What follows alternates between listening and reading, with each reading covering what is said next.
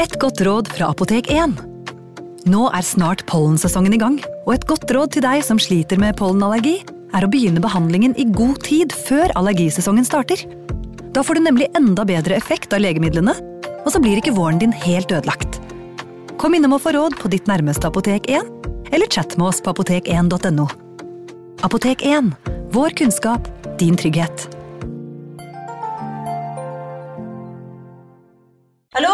Jeg kommer fra Oslo politikammer. Ine Jansen er purk. Er du purk? The motherfucking bitch. Alt jeg vil, er å finne ut hva som skjedde med mannen min. Jon Carew. Er jeg sikta for noe? Iben Akeli. Det er du. Ole So, Lars Berrum og Big Daddy Karsten. Hvem sin side er du på, egentlig? Anette Hoff, Tone Danielsen, Kommer du fra Afrika? Jørnis Josef, Nesten. Kløfta. Trond Espen Seim, Det er synd å si det, men det var feil mann som døde. Purk. Premiere tirsdag på TV2 Play. Advarsel. I denne podkasten vil du høre historier basert på informasjon programlederne har funnet selv. Programlederne står ikke nødvendigvis inne for meninger og syn som fremstilles. Noen påstander kan avvike fra virkeligheten.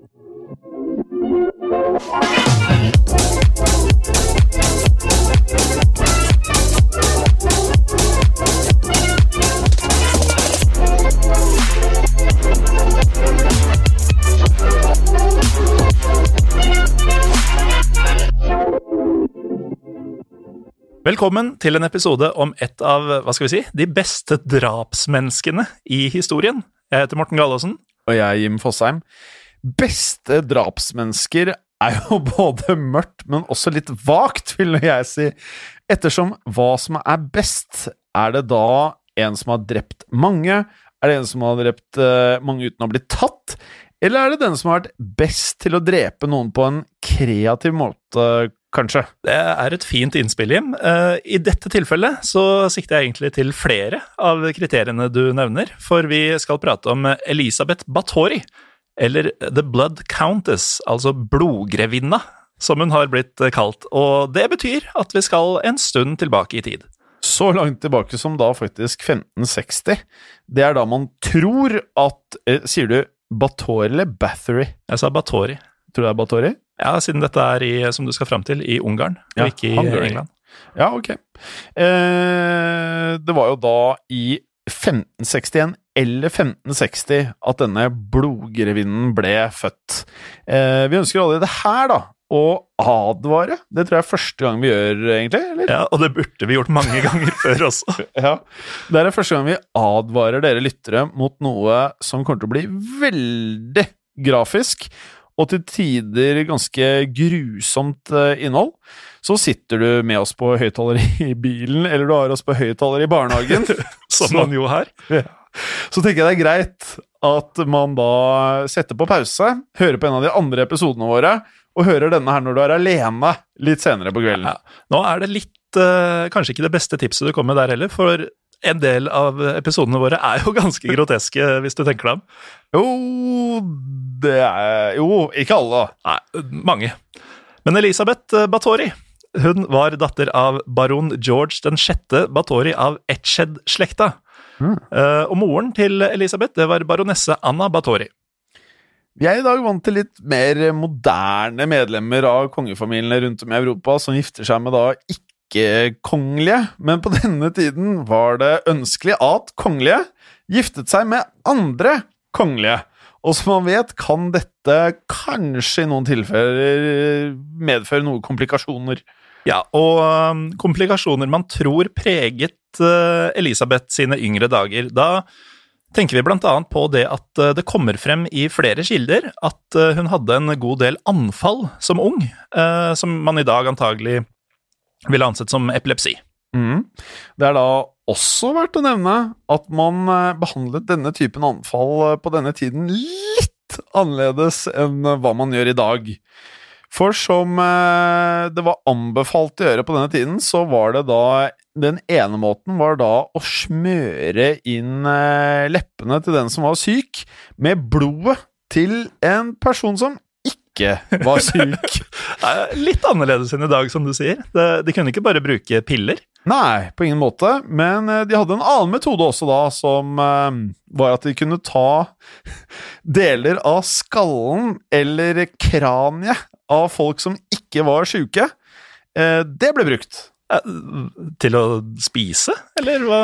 Ja, altså Det står faktisk ikke helt klart hvordan de benyttet seg av kraniet til eh, de friske menneskene, men eh, det virker jo nesten sånn at det måtte jo konsumeres på en eller annen måte. Så Hvordan da? altså man kunne kanskje mose kraniet, nesten pulverisere det til det punktet hvor det var mulig å blande det i noe man kunne drikke. Kanskje en tjukk og feit vin eh, kunne være det man kunne leske det ned med, da. E- Eller i mat, da, som når man skal gi medisin til hunder og sånn. Ja, mat er vel kanskje enda bedre. Typ krydder i en tomatsuppe lignende. Hva, slags tomatsupper er- Eller er, er tomatsuppene du er vant til å spise, gode Jim? Ja, jeg er ikke så glad i tomatsuppe. Nei. I prinsippet så betyr vel dette at man kanskje tenderer til kannibalisme, eller hva? Vet du hva, Jim? Eh, man tenderer, men ifølge en definisjon jeg fant, så er det ikke kannibalisme. Det, du må spise kjøttet eh, eller deler av organene til et annet menneske for at det skal være definert som kannibalisme. Ja, så hvis du da holder deg til å spise skjelett, eh, bein og kranier, da er man innafor, da kanskje? Ja, Så hvis man koker suppe på menneskeknokler, da, og, og spiser denne suppa, så er man altså ikke kannibal ifølge denne definisjonen, som jeg ikke veit om jeg er helt enig med.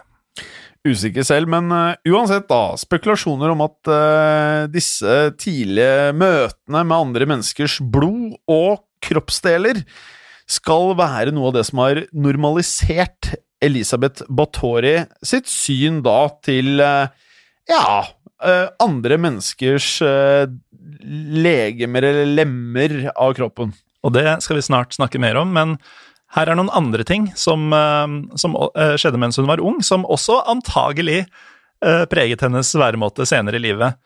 I en alder av ti år så skal hun ha blitt forlovet til Ferenc Nadashti, som skal ha vært en politisk riktig forlovelse for familiene på denne tiden.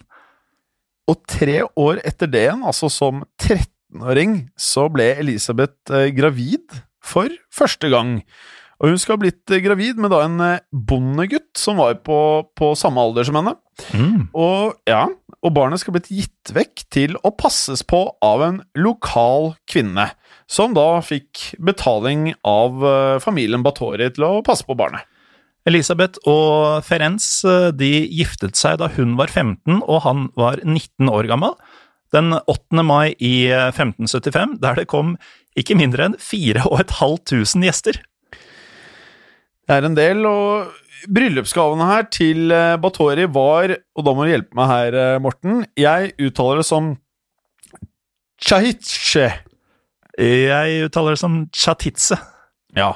men omtrentlig, da. Det står i hvert fall Karstise Castle, Ja. eh, som da er en borg eller et slott som ligger i det vi i dag kjenner til som Slovakia. Eh, mens eh, familien til Elisabeth eh, de kontrollerte store deler av eiendomsområdene i det velkjente Transylvania. Og Vi har jo hinta om at det kommer litt eh, mord og gørr etter hvert, og det ringer jo noen bjeller når vi, når vi snakker om Transylvania i så henseende. Ja, for det er noen paralleller i denne historien til den selveste Vlad Dracula, men mer om det senere. Vet du hva, akkurat uh, Vladen han har jeg vært på besøk i slottet til uh, så sent som i mars i år. Ja, selvfølgelig har du det. Uh, ja, uten at det ble spesielt blodig, da. Men uh, Ferenc Nadashti han eh, skulle i 1578, dette er altså mannen til Elisabeth, bli en prominent del av den ungarske hæren, som på dette tidspunktet var betydelig i eh, internasjonal eh, målestokk. Og her fikk han rollen som hærfører for de ungarske troppene, som han senere skulle lede til krig mot osmanerne, som for det meste kom fra det vi i dag kjenner som Tyrkia. Mm. Mens Nadasti var ute og ledet troppene, var da Elisabeth eh, hjemme. Her utviste hun styrke og handlekraft til å styre slottet og eiendommen deres i Nadasti sitt eh, fravær, altså på en god måte. De skal i denne perioden ha fått mellom fire og sju barn, slik vi forstår det. De fleste stedene så står det at de fikk fire barn. Ja, Det er jo litt, uh, alltid litt vrient med historiske kilder når det er så langt tilbake i tid, så vi får ta disse tallene med en klype salt innimellom, men et sted mellom fire og sju skal stemme. Uh, og en annen ting som skal uh, ha skjedd, var at i 1604 så døde Ferenc Nadashti av en sykdom, uten at vi har funnet ut hvilken sykdom dette var. Men dette betød da at uh, Ferenc Nadashti og Elisabeth Batori hadde vært gift i 29 år før hun da ble enke. Ja, og nå kunne jo dette egentlig vært uh, slutten på dagens episode av uh, Historiepodden. Det er det heldigvis ikke. Det er det heldigvis ikke. Uh, fordi dette var kun en snill versjon av historien om Elisabeth Bathori. Og her kommer den delen av historien om Elisabeth Batori som gjør at hun fremdeles den dag i dag har rekorden i Guinness rekordbok for, på engelsk, hør følgende The most prolific female murderer. Og vet du hva det betyr? Ja, jeg har um, heldigvis blitt obs på dette på forhånd, for jeg måtte sjekke prolific en gang til. I ordlista på norsk så betyr det produktiv. Uh, og det er ganske ironisk, siden å være produktiv er jo det motsatte av å ta liv, for så vidt. Men rekorden hennes er altså da å være den mest produktive kvinnelige morderen i verdenshistorien. Hvilket man jo kan tro på når de uh, høyeste tallene vi har sett uh, over hvor mange hun skal ha drept, er så høyt som 650 mennesker. Ja, noen steder står det 600, men om det er 600 eller 650 Det er ganske mye. Det er flisespikkeri. Og du er spesielt produktiv, for vi vet jo uh, ut ifra alderen hennes, så ble hun jo bare 54 år gammel. Og da har du jo ikke veldig god tid på å ta livet av 650 personer. Og hvis du tar utgangspunkt i at hun da, om hun hadde startet i en alder av null år, og vi antar at hun drepte like mange personer hvert eneste år, så betyr det at hun hadde drept 12,037 personer allerede som nullåring. og det samme hvert eneste år av resten av livet hennes mens hun levde. Og da er det jo mer sannsynlig at hun var langt eldre enn null år da hun begynte å drepe, og at hun uh, følgelig var enda mer produktiv da hun først begynte å drepe. Mulig det. Eh, her er den andre versjonen av historien om Elisabeth Batory. For som liten jente skal Elisabeth ha vært en ganske så bortskjemt eh, jente, og sjelden eller aldri ble hun straffet for noen av handlingene som hun da kanskje hadde sett andre på hennes alder bli straffet for i denne perioden. Ja, og hun skal fra ung alder ha sett eh, morbid og eh, i dag, eller etter våre standarder, helt umenneskelig tortur. Eh, spesielt én hendelse er nevnt som spesielt grov, hvor myndighetene skulle avstraffe en kriminell um, offentlig, hvis jeg skjønte det riktig. Ja, og slikt kan jo være grotesk nok i dag, det.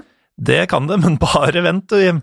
Fordi eh, det Elisabeth var vitne til, var at en representant fra myndighetene han skal ha spretti opp buken på en levende hest, for så å dytte den som skulle straffes, inn i magen på hesten. Og det er ikke ferdig.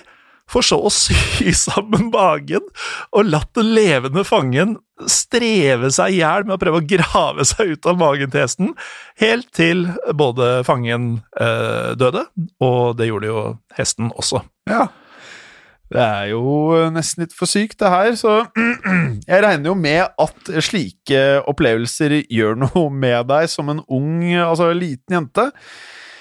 Og det som er viktig for både oss og flere lyttere, er å huske på at mye av det vi skal prate om nå, selvfølgelig ikke er noe som er godt dokumentert. Og mye av dette kan ha skjedd, og mye av det kan også kanskje ikke ha funnet sted også. Ja, det er helt klart, uten at vi kommer til å endre avslutnings-catchphrasen vår av den grunn. Uh, noe som hevdes, er at mannen til Elisabeth skal ha vært veldig interessert i uh, mørke kunster, om vi skal kalle det det, som å torturere fanger, blant annet. Og dette utviklet seg etter hvert til å gjelde også tjenerne de hadde på slottet sitt. Uh, noe som ikke skal ha vært spesielt uvanlig for Ferenc Nadashti og Elisabeth Batori, var å stikke papir mellom tærne på tjenerne deres, for så å sette fyr på dem. Og eh, Nadashti selv han fikk kallenavnet The Black Hero of Hungary. Antagelig for hans, eh, eller angivelig for hans grusomhet i kampen mot eh, osmanerne. Mm. Elisabeth hun kom jo da som sagt fra en av de mektigste familiene da i området rundt Transilvania. Eh, og hennes veldig mektige onkel, altså Steven Batori, giftet seg med en prinsesse fra Polen, og hun het Klara Batori. Og hun er fort en egen episode i seg selv i uh, historiebåten i fremtiden. Hvorfor det? Uh, fordi hun skal ha vært nokså vill, spesielt i trusa. Aha. Ja. Noe som angivelig lærte Elisabeth at sex var viktig i spillet om krig og makt. Klara skal ha vært en biseksuell person, og skal ha ønsket seg en elsker, angivelig, som kunne drepe mannen hennes, som da var onkelen til Elisabeth. Ja, det er også noe å ha på ønskelista si. Uh, andre kilder forteller at Clara til slutt drepte ektemannen Steven selv. Uansett så ble han drept, og senere så ble Clara fengslet for dette drapet, men hun skal ha forført en av vaktene som hun også rømte med. Og det høres jo ut som en solskinnshistorie, drepe mannen sin og stikke av med en vakt som, som passer på deg, men de endte begge som fanger av det osmanske riket, og ble begge drept. Mer om hvordan det går med historien om hvordan Elisabeth drepte alle disse 650 personene, kommer etter en liten pause. Dersom du liker Historiepodden, vil vi anbefale at du sjekker ut lignende podkaster fra moderne media. Som eksempel Skrekkpodden og True Crime-podden. De er å finne overalt der du lytter til podkast, som eksempel iTunes og Spotify. Velkommen tilbake, og nå over til legenden om Elisabeth. Det som har blitt sagt om hvordan hun lærte denne kunsten av å forføre, var av sin tante Klara. Og det sies også at Elisabeth var veldig glad i både menn og kvinner selv. Ikke at det er noe galt i det. Nei, men eh, kanskje ikke drepe alle hun møter heller. Nei, men det eh, gjorde hun ofte. Og du husker det vi prata om, at hun eh, smurte inn leppene sine med blod som eh, ung? Ja, og spiste pulverisert eh, ska skalle. Ja. Eh, her kan man kanskje få en liten pekepinn på hvordan hun videreførte dette i livet sitt, eh, for vi sa jo innledningsvis at dette nok preget henne som person senere. Eh, Elisabeth viste tegn til å lære fra både det å uh, har sett tjenerne bli mishandlet, og blodet hun smurte inn leppene med som ung, for hun hadde rykte på seg for å bite ut stykker med kjøtt av ansiktene til tjenerne sine. Så i likhet med Dracula så sugde hun da også blod ut fra disse sårene. Altså sårene til ofrene som hun hadde bitt ut kjøttdeler av, sugde hun blodet ut av. Dette skal ha vært da en av de inspirasjonene til Bram Stoker, som da skrev det som nå er en verdenskjent bok, som er boken om Dracula. Og som om det ikke var nok å bite av en del av ansiktet til folk og suge blodet ut fra sårene, så skal hun ha tappet blod av mennesker for å fylle store badekar med blod, som hun da likte å bade i.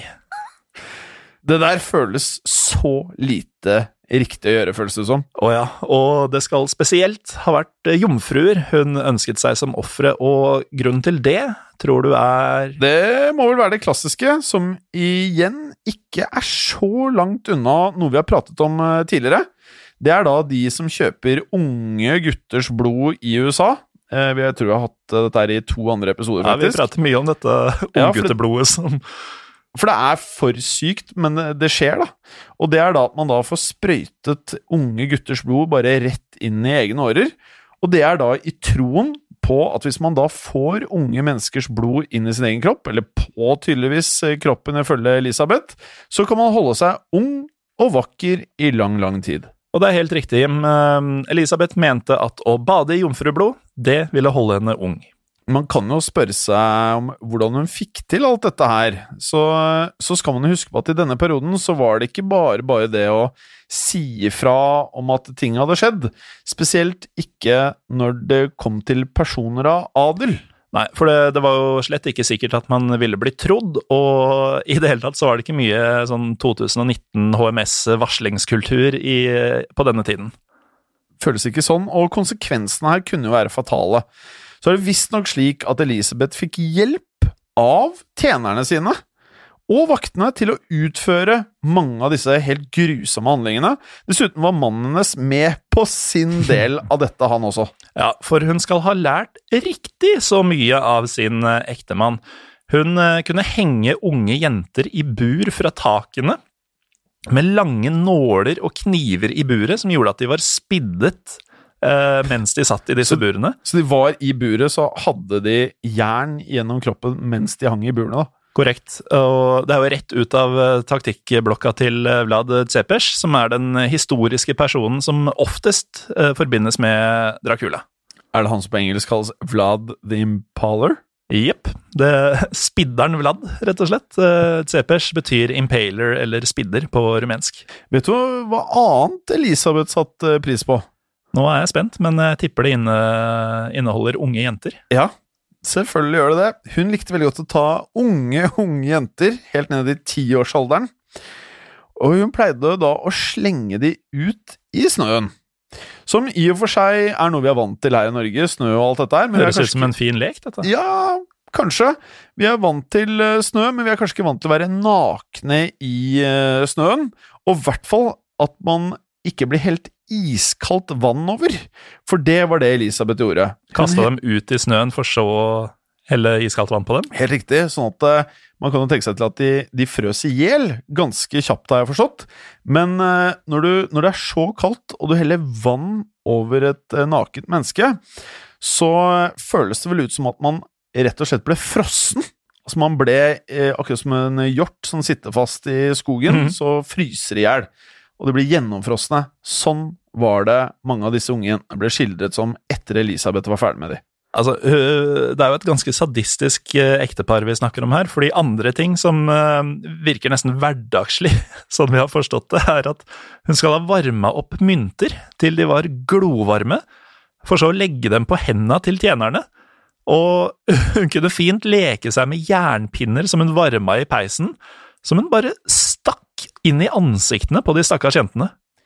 Elisabeth Báthory var no joke. Eh, bare hør på det her. Bare tenk deg hvor mye man må røske for å dra ut Hør på følgende. Hun brukte nemlig en knipetang som hun rev ut fingrene på folk. Eller rev av fingrene. Altså ikke negler og den slags ting, men hele fingeren røsket hun av hånden med en tang som bare rev og slet til dette ga etter, da. Hun er så ond. Ja, ganske ond. Um, og hun er jo da omtalt, som vi nevnte, som den mest produktive kvinnelige morderen gjennom tidene. Men hun var jo også, som dere begynner å skjønne, en av de mest oppfinnsomme. For hun kunne blant annet finne på å smøre inn ofrene sine med honning, for så å tvinge dem til å være ute en hel dag med bier og veps, bare for at de skulle bli stukket gjennom hele dagen. Nadasti skal fra feltet, altså da mannen til Elisabeth, skal ha sendt henne råd og tips til eh, nye torturmetoder som hun gjerne måtte prøve ut hvis hun ville det. Og dette her var vel en korrespondanse som kom såpass ofte at det var nesten som et kjærlighetsbrev å, å kategorisere som, da. dysfunksjonell eh, gjeng, dette her. Eh, vi prata litt om kannibalisme tidligere, hvorpå eh, skalle visstnok i seg selv ikke kvalifiserer til at du er eh, kannibal. Men eh, kannibalisme var noe som interesserte Elisabeth eh, likevel. Vi eh, har hørt at hun eh, Eller vi fortalte også at hun eh, beit av de unge jentenes eh, ansikter, delvis. Eh, og hun skal også ha tvunget jentene selv til å steke kjøttstykkene som ble bitt av, for så å spise dem selv. Og for alt vi vet, så kan jo Elisabeth ha smakt litt på dette kjøttet, hun også. Det føles vel naturlig at uh, en på hennes nivå faktisk gjorde det, da. Um, men så kom det da til den perioden hvor Nadasti døde. For da skal Elisabeth bare ha blitt enda mer ekstrem. Mer? Mer ekstrem. Uh, og mye av disse ekstreme dådene som hun gjennomførte, kom også hyppigere, sånn at hun ble mer vågal hele tiden, da. Dette virker som et godt tidspunkt for et grusomt eksempel, eh, Jim. Her kommer det. Hun dyttet nåler under fingerneglene til tjenerne, eller rett og slett at hun stakk disse nålene inn i ansiktene på tjenerne sine. Og hun var jo, som vi vet, glad i å bite av deler av kjøtt fra kroppene deres. Eh, men alt dette skjedde hyppigere, og hun begynte å bli mer og mer slepphendt. Blant annet så kunne hun da, fordi hun rett og slett ikke orket å gjøre noe mer ut av seg, så tok hun bare denne knipetangen og klemte brystene til jentene til de ble ødelagte. Og frem til nå hadde hovedmetoden til Elisabeth for å tilfredsstille denne voldsomme blodtørsten hun hadde i seg, vært å lokke døtrene til fattige bønder med jobb på slottet som tjenere. Men ettersom mange i nærområdet begynte å registrere at døtrene deres forsvant, så, så slutta mange å sende flere døtre til Elisabeth. Hun måtte derfor friste de mer adelige døtrene Eh, og skulle hun kunne fortsette denne torturen, så var hun avhengig av at de faktisk da kom til henne, for det var på slottet hennes gjorde de mest makabre av tingene sine. Hun inviterte derfor adelsdøtre som hadde mindre god økonomi, til å gå på skole hos Elisabeth. Og da var det jo naturlig nok selvfølgelig hjemme hos henne, altså i slottet hennes, denne skolegangen skulle finne sted. Høres ikke ut som en felle i det hele tatt. Eh, når disse døtrene forsvant, eh, ble det jo langt mer bråk rundt deres forsvinning enn da det gjaldt døtrene til de lokale bøndene. Og samtidig skal Elisabeth ha drept en anerkjent sanger som var på besøk hos henne, da denne sangeren ikke ville synge sangen som Elisabeth ønsket seg. Beskyldningene om at Elisabeth hadde drept en rekke folk, begynte nå å få langt mer oppmerksomhet, og spesielt hos en viss Mathias den annen. Han var den katolske kongen i Ungarn og ønsket å ta igjen på den protestantiske Batori Nadashti-familien. Så parlamentet hans sendte greve George Turzo til å um, etterforske saken, og ikke minst Elisabeth sin involvering i den. Noen mener Mathias den andre fattet interesse i saken fordi det ble sagt at Elisabeth var biseksuell, og at hun rett og slett eh, hadde for mye sex. at folk da ikke syntes at det var en eh, god greie. Nei, for det digger ikke katolikker. Nei, det liker de absolutt ikke. Det skal også ha versert rykter om at hun praktiserte heksekunst, som heller ikke var spesielt uvanlig på denne tiden. Nei, men uh, igjen ikke spesielt populært blant katolikker. Nei, det var ikke populært. Elisabeth ble tiltalt etter at grev Turso fant uh, flere lik i slottet til, uh, til Elisabeth som var forvrengte og, og, nærmest ødelagte av all torturen. Og han fant også noe som selv for en etterforsker på denne tiden virka mistenkelig. Han fant en døende dame på slottet hennes. Ja. Uh, Elisabeth uh, torturerte da visstnok tjenerne til å ta hele skylden for alle likene, alle drapene og all torturen. Samt det at Turso var en nær venn av Batoria-familien, gjorde at da Elisabeth slapp å møte i retten som fant sted i 1611. Men tjenerne, derimot, de ble stilt for retten. Og Hva tjenerne, het tjenerne, Jim? De het, og nå skal jeg få lov til å Du må hjelpe meg, da. Dorotia Semtesh. Hvorfor ikke? Hvorfor ikke? Lona Ju. Kan være. Katarina Beska. Benitska. Benitska. Og Janusz Ulvari. Vi, vi kom sånn cirka i mål eh, der, ja. De ble... Disse ble da dømt for elendigheten. Likevel var uh, Turso profesjonell nok til at uh, selv om han ønsket å skåne livet til Elisabeth, så mente han at sannheten måtte komme frem. Og noen steder vi har kommet over, hevdes det at Turso faktisk skal ha tatt Elisabeth på fersk gjerning mens hun utførte en av grusomhetene sine. Ja, men uh, en rettssak på, uh, på, denne tiden, med Elisabeth til stede, ville jo ført da til en enorm skandale for en såpass mektig familie som Batori. Så bestemte kongen seg for uh, at han bare direkte skulle dømme Elisabeth til død, bare uten Eh, noe som helst form for rettssak. Så ikke var det varslingskultur på plass, og ikke var det mm, rettssikkerhet. Turso han eh, klarte likevel å overbevise kongen om at eh, i stedet for døden, så burde hun få husarrest. Ja. Og bare hør på det resultatet her. Og dette høres så mye ut som en sånn Disney-fortelling, eller kanskje ikke alt det frem til nå, men avslutningen her er som den prinsessen som eh, er låst oppe i klokketårnet. Det er Rampunsel, Er det Ja. ikke det hun het? For resultatet var at i stedet for å drepe Elisabeth, så fant de ut at de skulle mure henne inne i det ene tårnet i slottet hennes. Og i det igjenmurede tårnet, der levde hun i tre år til, fra etter rettssaken, som var da i 1611, frem til hennes død, som antas å være i 1614. Ja. Det er en på beste tegnefilmvis hadde tilbrakt eh, de siste tre årene oppe i et tårn. Men tilbake til eh, hvor mange tidenes mest eh, produktive kvinnelige morder tok av dage. Så eh, nevnte vi jo at det hevdes at det var så mange som 650 personer, men hun ble kun tiltalt for 80 av Ja. disse. Det er fortsatt eh, bra, da, uansett hva som er tallet. Det er respektabelt antall eh, drap, det. Produktivt, vil flere hevde. Det vil da si at hun da drepte 65 personer i året.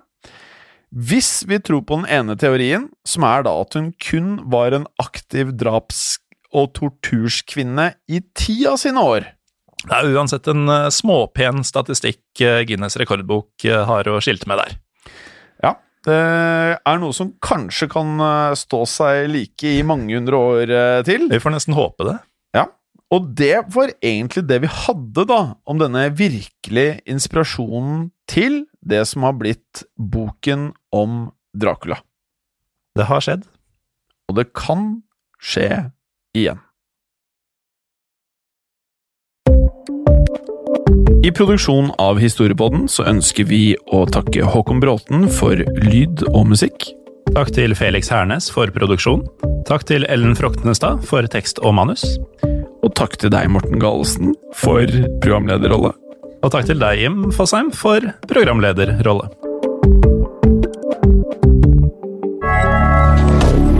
Moderne media. Har du et enkeltpersonforetak eller en liten bedrift? Da er du sikkert lei av å høre meg snakke om hvor enkelt det er med kvitteringer og bilag i fiken, så vi eh, gir oss her, vi. Fordi vi liker enkelt. Fiken superenkelt regnskap. Hei, og takk for at du lytter til Historiepodden. Skulle du ønske at du kunne høre en ny episode av Historiepodden hver eneste uke? Vel, da er det én ting å gjøre. Da kan du laste ned podkastappen Untold med det samme. For i tillegg til ukentlige episoder av podkaster som Historiepodden andre verdenskrig, Henrettelsespodden og også Gangsterpodden, så får du masse annet reklamefritt og også eksklusivt innhold. Last ned Untold i AppStore eller Google Play og start din 30 dagers gratis prøveperiode allerede i dag.